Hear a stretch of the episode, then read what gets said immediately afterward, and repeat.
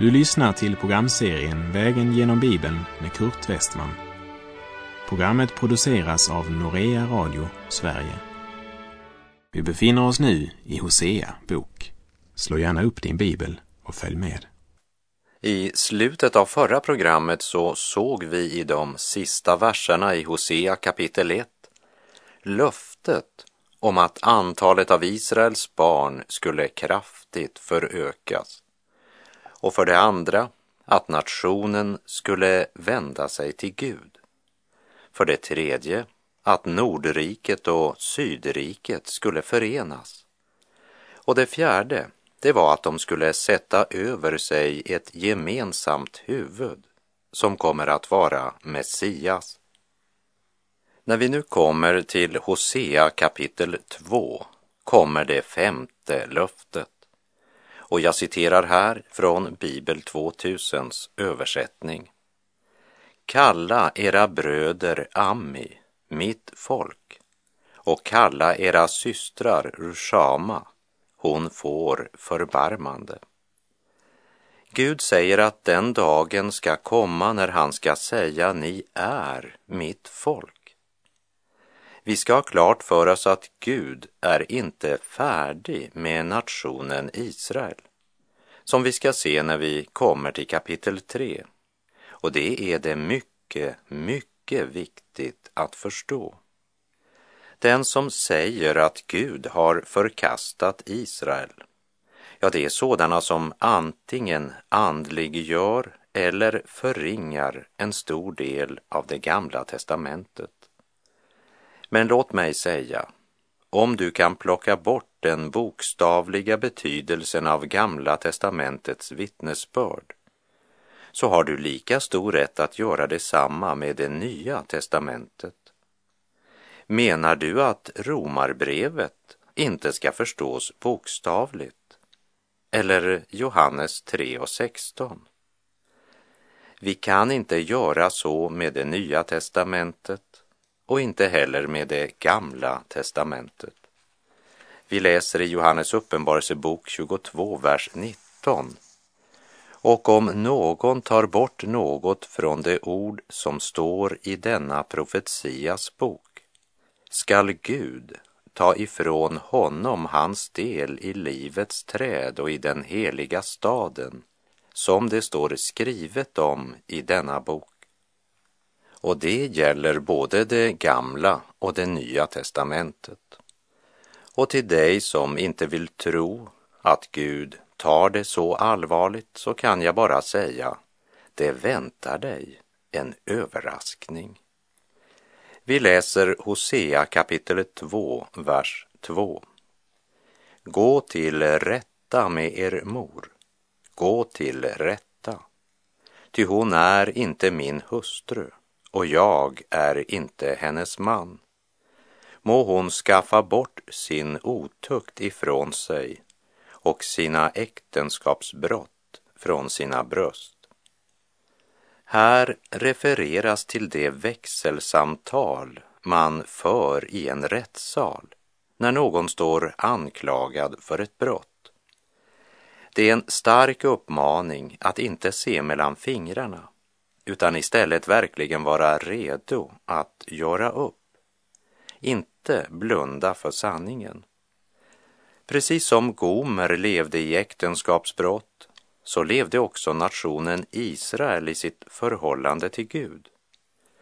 Gud pekar på Gomers synd och tillämpar den på Israels folk. Hosea gifte sig med en kvinna som bröt äktenskapet och blev en prostituerad. Och även efter att de varit gifta en tid och fått tre barn återvände hon än en gång till prostitutionen. Trots att Hosea, hennes man, älskade henne. Hon var otrogen mot honom som älskade henne. Hon trampade på hans kärlek, krossade hans hjärta. Kära vän som just nu lyssnar. Den största synd du kan begå är att svika Gud, som både har skapat dig och förlossat dig, och som älskar dig med en fullkomlig kärlek. Profeten ropar ut Guds budskap till Israel. Att de må vända om från sitt avfall, sitt äktenskapsbrott och vända sig bort från sina avgudar och vända om till Herren Gud. Lägg märke till att orden gå till rätta faktiskt sägs två gånger i vers 2. Gå till rätta med er mor, gå till rätta. Det handlar om ett radikalt antingen eller. Det talar om församlingstukt och allvarlig förmaning. Djupast sett så handlar det om att ställa den skyldige mot väggen. Nationen framställs som en mor som vilseleder sina barn. Samtidigt omtalas nationen som Herrens hustru. Och här har vi en klar parallell med Lo Ami som betyder inte mitt folk. Och vi minns att i vers 10 i kapitel 1 förkunnade Herren och det ska ske att istället för att det sades till dem, ni är inte mitt folk, ska det kallas den levande Gudens barn. Men eh, innan det kan ske måste Herren gå till rätta med sitt folk. De måste konfronteras med sin synd. Gå till rätta med er mor. Gå till rätta må hon skaffa bort sin otukt och sina äktenskapsbrott. Och så kommer det i vers 3. Annars skall jag klä av henne naken och låta henne stå där sådan hon var den dag då hon föddes. Jag ska göra henne lik öken, låta henne bli som ett torrt land och låta henne dö av törst. Om hon inte omvänder sig kommer Gud att döma henne. Och det på ett sådant sätt att det blir uppenbart för alla. Nu ska vi komma ihåg att när Herren kallar för att gå till rätta så är det ett erbjudande. Som vi minns ifrån Jesaja 1.18. Kom, låt oss gå till rätta med varandra, säger Herren. Om era synder är blodröda så kan det bli snövita. Om det är röda som scharlakan så kan det bli som vitull. Men om den rättsprocessen inte lyckas, då återstår inget annat än Guds rättfärdiga dom för syndaren. När hustrun varit otrogen, när hon brutit äktenskapet, har hon därmed förlorat sina rättigheter som hustru. Herren är inte längre ansvarig för att klä henne och ge henne mat. Det blir som det står i Hesekiel 16, vers 4 till och med 6. När du föddes skar ingen av din navelsträng. Du blev inte tvättad ren med vatten och inte heller ingniden med salt och lindad. Ingen såg på dig med så mycket medlidande att han ville göra något sådant med dig eller förbarma sig över dig. Utan man kastade ut dig på öppna fältet. Så frånstötande var du den dag du föddes.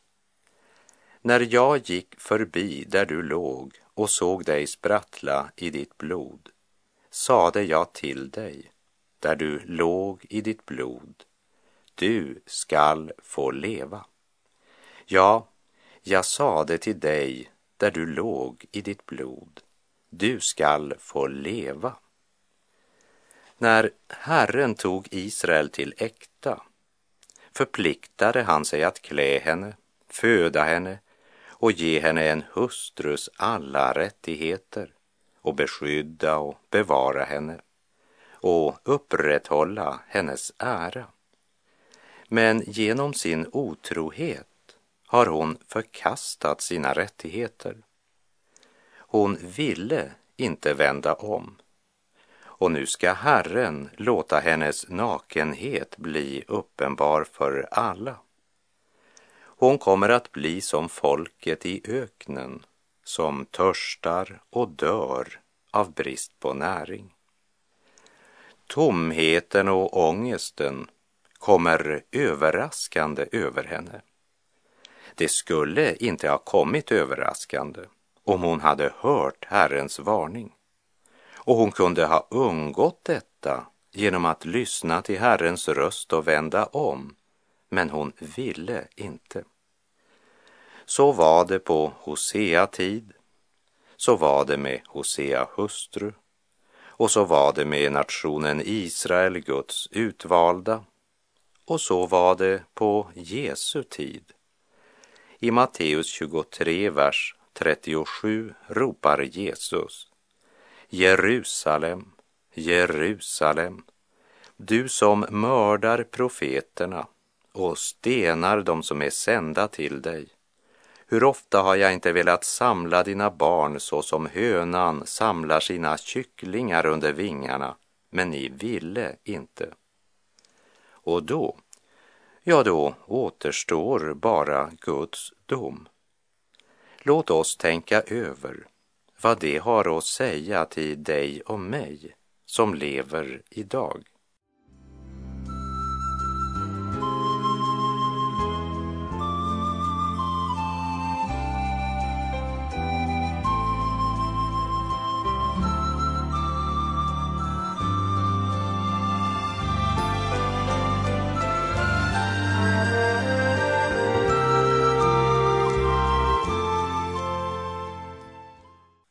Skaffa bort din otukt och dina äktenskapsbrott, ropade Herren till nationen Israel. Eljest skall du bli lik en öken. Vi läser Hosea kapitel 2, vers 4. Hennes barn ska jag inte förbarma mig över, eftersom det är barn av en sköka. Folket, de menade om sig själva att de var Herrens folk. Men de hade varit otrogna och brutit pakten, vilket gör sig gällande för varje enskild människa i nationen. De ska inte längre få erfara Herrens förbarmande och hans kärleksfulla omsorg. Och vi läser vers 5. Ty deras moder var en otrogen kvinna hon som födde dem bedrev skamliga ting. Hon sade ju, jag vill följa efter mina älskare som ger mig min mat och mitt vatten, min ull och mitt lin, min olja och mitt vin. Kort sagt, hon gör det för pengar. Det är habegäret som driver henne. Och i prostitutionen rör det sig om stora pengar, då som nu. Det kan tyda på att Hosea inte var så välstående materiellt och Gomer krävde tydligen ett lyxliv och prostitutionen blir hennes utväg att skaffa sig det som hon så ivrigt önskade sig. Det var på samma sätt med Israels synd. De sökte vända Gud ryggen och sökte sin tillfredsställelse i avgudadyrkan. Och de gav avgudarna äran för att hus och hem och kläder fanns. Man sa ju, jag vill följa mina älskare som ger mig min mat, mitt vatten, min ull och lin, min olja och mitt vin. Allt det här hade Herren välsignat Israel med. Så otacksamma är alltså människorna och speciellt bekännande kristna när det gäller allt det goda Herren i sin barmhärtighet gett oss. Och om du är en av dessa som suckar och klagar, låt mig få fråga dig, har du inte i alla fall haft minst en måltid idag? Du kanske till och med har haft något extra vem tror du det är som har gett dig detta? Tja, säger du kanske, jag är en strävsam och flitig person Jag har jobbat hårt, så det är jag själv som har skaffat det. Ska jag berätta en nyhet för dig? Det är Gud som har försett dig med allt detta materiella. Det är Gud som har gett dig hälsa och krafter och välsignat dig med ett arbete. Han är den som har skapat jorden med allt som växer på den och ändå är du otacksam. Du kan knappt göra någon större synd än att förakta Guds godhet så som du gör. Det är värre än att stjäla och ljuga. Det är själva grundsynden. Det är uppror mot Gud. Jag är klar över att det inte är populärt att säga det här, men här i Hosea bok är det just det som är Guds anklagan mot den nation som var kallade att vara Herrens folk. Vi läser Hosea 2, vers 6 och 7. Se, därför ska jag stänga din väg med törnen. Jag skall resa framför henne så att hon inte finner sina stigar. När hon då löper efter sina älskare ska hon inte få fatt på dem. När hon söker dem skall hon inte finna dem. Då skall hon säga, jag vill gå tillbaka till min förste man, för jag hade det bättre då än nu. De vägar som hon så ivrigt hade sprungit på ska stängas för henne. Och på samma sätt önskar Gud hindra sina barn att gå längre bort från honom. Genom sina synder så hamnar de i sådana svårigheter, sådan nöd och tomhet att man börjar inse att synden inte ger vad den lovar. Ja, mer än en har fått en tankeväckare när man blivit tvungen att smaka syndens bittra frukt. Herren vill isolera hustrun Israel från sina älskare, för hon vill inte frivilligt lyssna till Herrens kallande röst. Men det kommer en dag då skökans skönhet har förvissnat och hon är inte längre tilldragande utan hennes älskare förlorar intresset för henne. För de hade aldrig gett henne sitt hjärta, bara sina rikedomar. Och nu finner hon sig själv kasserad. Det var ju just det som skulle komma att ske med Israel. Vers 8 och 9. Men hon har inte förstått att det var jag som gav henne både säden och vinet och oljan och som gav henne mycket silver, likaså guld, som det gjorde sin balsbild av. Därför ska jag ta tillbaka min säd när tiden är inne och mitt vin när stunden kommer. Jag ska ta bort min ull och mitt lin som hon skyler sin nakenhet med. Gud säger att han ska döma Israel. Och jag tror att dessa ord också gäller vår nation idag. Där både fostermord och homosexualitet har blivit en lagstadgad rätt. Den här tidsålderns Gud har så totalt förblindat de otroendes sinnen att de till och med blir blinda för hela skapelseordningen. Så blinda att det som hör till vanlig sund förståelse blir helt borta.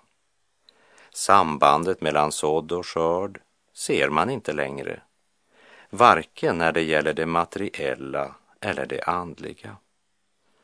Utan att skämmas kastar de sig ut i utsvävningar och bedriver all slags orenhet och får aldrig nog utan bara fortsätter att så i sin kötts åker, förblindade för den sanningen att den som sår i sitt kötts åker skall av köttet skörda undergång. Men Gud ska hålla tillbaka välsignelsen. Gud kommer att dra igen kranarna från vilka allt de behöver strömmar fram. De ska inte längre kunna dölja sin skam. De ska stå där nakna, det vill säga avslöjade. Då finns inga fasader att gömma sig bakom. För till och med det man skulle bygga fasaderna av har blivit borta. Vilken överraskning! För man var ju så förblindad av mammon och omoralen att man trodde aldrig att Guds dom skulle drabba dem. Men det gjorde den när tiden var inne.